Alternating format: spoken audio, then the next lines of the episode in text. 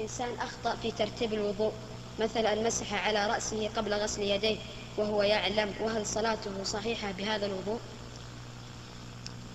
صلاته ليست بصحيحة لأن هذا الوضوء ليس بصحيح حيث بدأ بمسح رأسه قبل غسل يديه.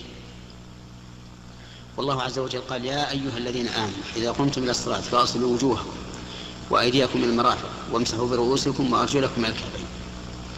والنبي عليه الصلاة والسلام توضأ وضوءا مرتبا.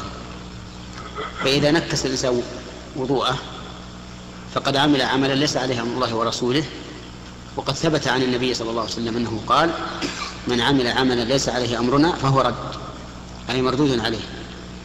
فإذا رد الوضوء صار غير صحيح وإذا صلى بهذا الوضوء فقد صلى بصلاة غير صحيحة آه، بوضوء غير صحيح فلا تقبل صلاته. كقول النبي صلى الله عليه وسلم لا يقبل الله صلاة بغير طهور